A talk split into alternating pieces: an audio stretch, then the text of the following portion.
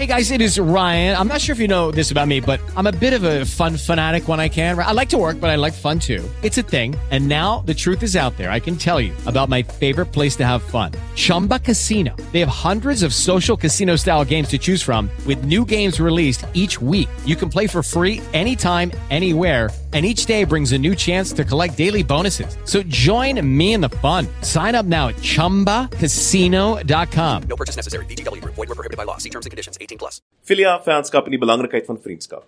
Welkom by Onder die Bome.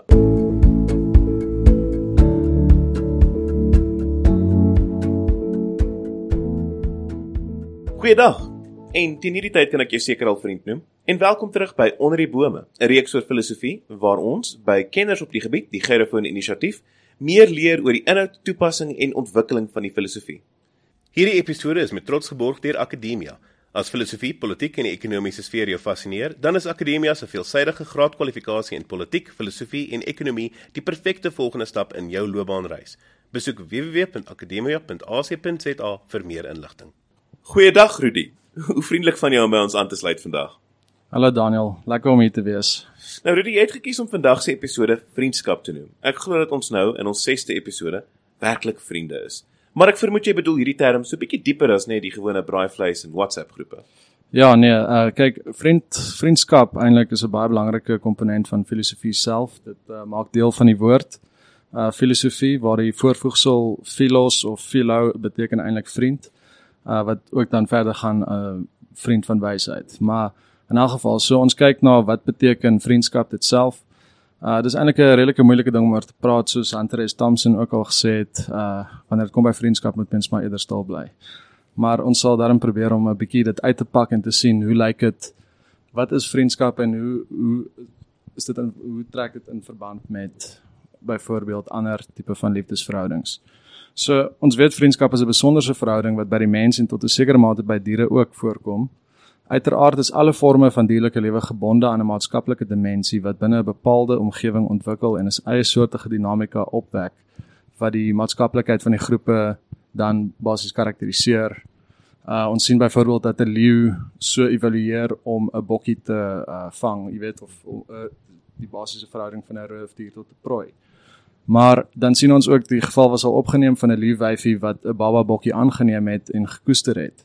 So indien die normale gedragspatroon van die leeu sou wees om die bokkie te vreet, waarom sou hierdie leeu die bokkie aanneem en enerzijds waarom het die bokkie nie uit die nie uit vrees vir die leeu weggehardloop nie. So is hierdie 'n teken dat vriendskap moontlik by diere alreeds voorkom en indien wel, hoe sal dit verskil by mense? So dis baie interessant ons nou hieroor praat. Jy's hoor dat dit nou die onderskeid is tussen mense en diere, maar is daar nie 'n regtig groot gaping tussen hoe mense en diere na die wêreld kyk nie? Ehm um, is dit nie 'n bietjie meer kompleks met mense as om bloot te gaan en te sê eet of nie eet nie. So kortom, uh, ek het nog nooit die behoefte aan 'n fisiese koue skouer gehad nie. Ehm um, is daai insigte van vriendskap ook van toepassing op mense? Okay, wel jy sien Daniel by die mens ontwikkel daar 'n simboliese dimensie. So uh, byvoorbeeld sal ons nie sien dat die koninkryk van leeu's die kan ons sê die samelewing van bokkies uh aftrou aan mekaar en die die leeu's en bokkies uh versoen met mekaar. Wees my sê Walt Disney het vir my gejok. heel moontlik. Heel moontlik. Maar in elk geval, miskien is daar uitsonderings wat ons nie van weet nie. Ons weet nou reeds daar was al 'n bokkie wat 'n uh, ag 'n leeu wat 'n bokkie aangeneem het, maar nietemin. Okay, so Daniel, jy lig eintlik 'n goeie punt uit hierso of goeie vraag wat dit op ons uh wat vir ons aandui is dat by die mens is daar 'n simboliese dimensie wat nie by diere werklik plaasvind nie. So um en dit is onder andere die simboliese dimensie waar ons uh taal uh, ontwikkel en met die taal uh, ontwikkel 'n verstandhouding tussen mense en ook kultuurgroepe. En dit is waardeur ons normes en waardes oorgedra word uh, met die doel om so, samehorigheid in die groep te bou. So die maatskaplike bande wat ontstaan binne kultuurgroepe en ook tussen kultuurgroepe word in die antieke Grieks deur Aristoteles gedefinieer as philia. Philia kan waargeneem word by diere maar ontwikkel verder by die by mense waar die betekenis daarvan ontwikkel as maatskaplike liefde. So ons kort basies hierdie maatskaplike liefde om 'n gemeenskap te kan stig of dit is basies vir die gemeenskap onderbou is 'n uh, uh, gemeenskaplike liefde vir mekaar. So in 'n geval, so die maatskaplike liefde vorm die basiese grondslag van vriendskap.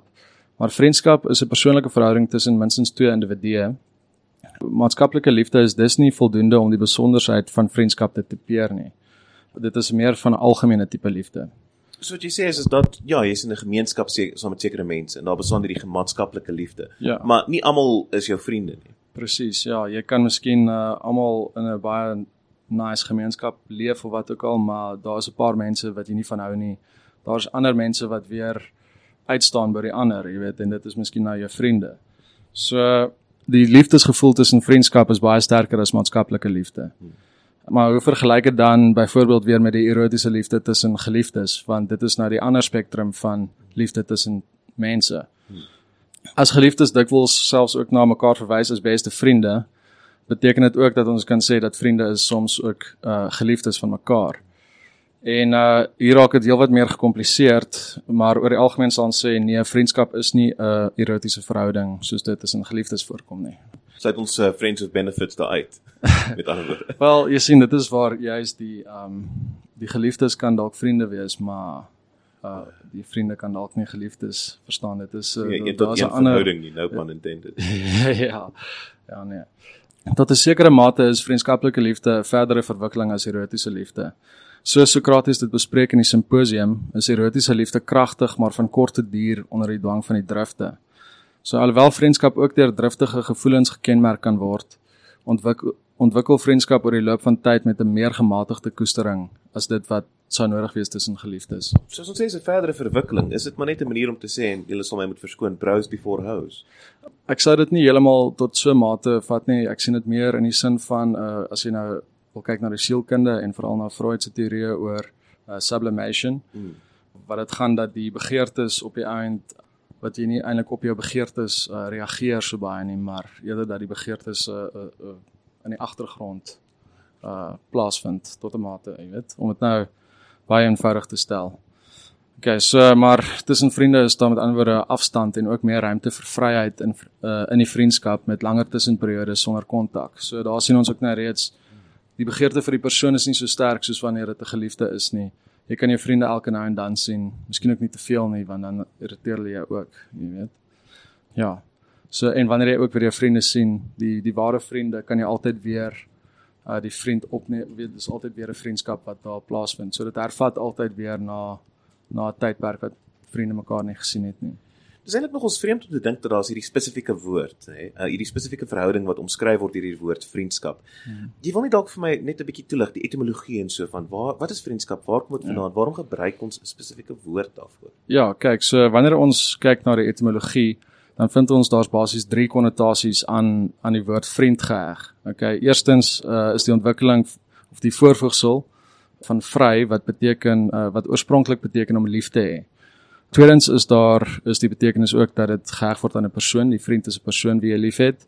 Maar derdens is daar ook 'n um, ontwikkeling wat plaasvind in die in die betekenis van vriendskap veral onder die Germaanse en Keltiese uh gemeenskappe dat die vriend 'n uh, bevryde persoon is met ander woorde 'n vrye burger. So dit is ook nie jou vyand nie, so dit dit bring ons uit by die vraag oor oor politiek, jy weet, en ook byvoorbeeld dat daar is geen heerskappy of onderdanigheid in 'n vriendskap nie. Die mense is gelyk tot die vriendskap. So in elk geval die die die politieke element wat hier bykom veral in in in in in die in ons sin van uh, of die konteks van die vriend moet ons kyk na ook die geskiedenis van polemiek en hoe die vyand dan as politieke figuur eintlik persoon is waarteenoor die vriend homself rig. Okay, so hier raak die identiteit van 'n vriend van die vriend 'n kwessie en dwing weer die vraag oor vriendskaplike liefde na die maatskaplike verhouding tussen die uh, tussen jou en die ander persoon. So, maar en dit is nou waar ons byvoorbeeld uh in politiek of in politieke uh verhoudings sou gesien het, jy weet, vriende en vyande is altyd teen mekaar gekant, maar ons weet ook nou dat 'n leeu al 'n bokkie aangeneem het en dat daai daai al oorbrug was en soortgelyk was vriende en vyande al vriende geword of het hulle al vriende geword en vriende het ook al weer vyande geword. Nou, hoe hoe verklaar ons dit? Is daar 'n is daar 'n mate van 'n afreiling wat daar plaasvind dat jy weet ons skuld mekaar iets of hoe hoe werk die die die oorgang van vriend na vyand selfs wanneer dit nie behoort te gebeur soos die geval van Bokkie en Leeu?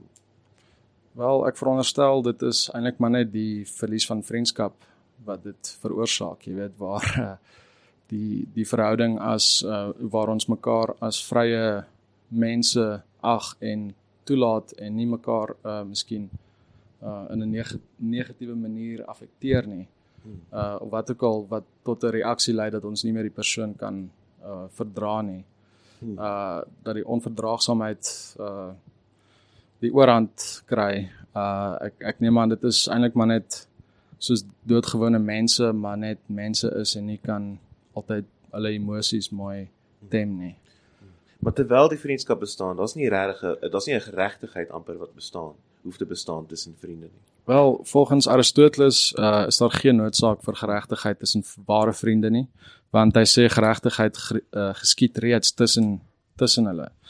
So as ons nou wil vra, hoe kan ons ware vriendskap bereik? Moet ons miskien ehm um, dit in ag neem dat vriend vriendskap is 'n is 'n liefde van bevryding tussen gelykes en veronderstel dit uiteindelik 'n etiek van wederwysige koestering van iets soos 'n gedeel, gedeelde ideaal soos vryheid. En op die einde dink ek kan ons afsluit met die gedagte dat die koestering van vriendskap die soeke na vredesaamheid is in die lot van medestaan uh, medebestaan. En uh om om hierdie te vind kan nie in een enkele persoon opgevang word nie. Dit verg eintlik meer as een persoon. En dis um is dit eintlik 'n gedeelde etiek dink ek. Dit maak absoluut my sin. Nou ja. Ek moet sê baie dankie dat julle saam met ons geluister het as vriende na hierdie episode van Onder die Bome. Ons hoop dit was insiggewend geweest. En as jy wil, goeie vriend, skakel volgende week gerus in en dan raak ons gelukkig oor die woord geluk. Onder die Bome word aan jou gebring deur Pot Media en die Gyrofoon Inisiatief in samewerking met Marula Media.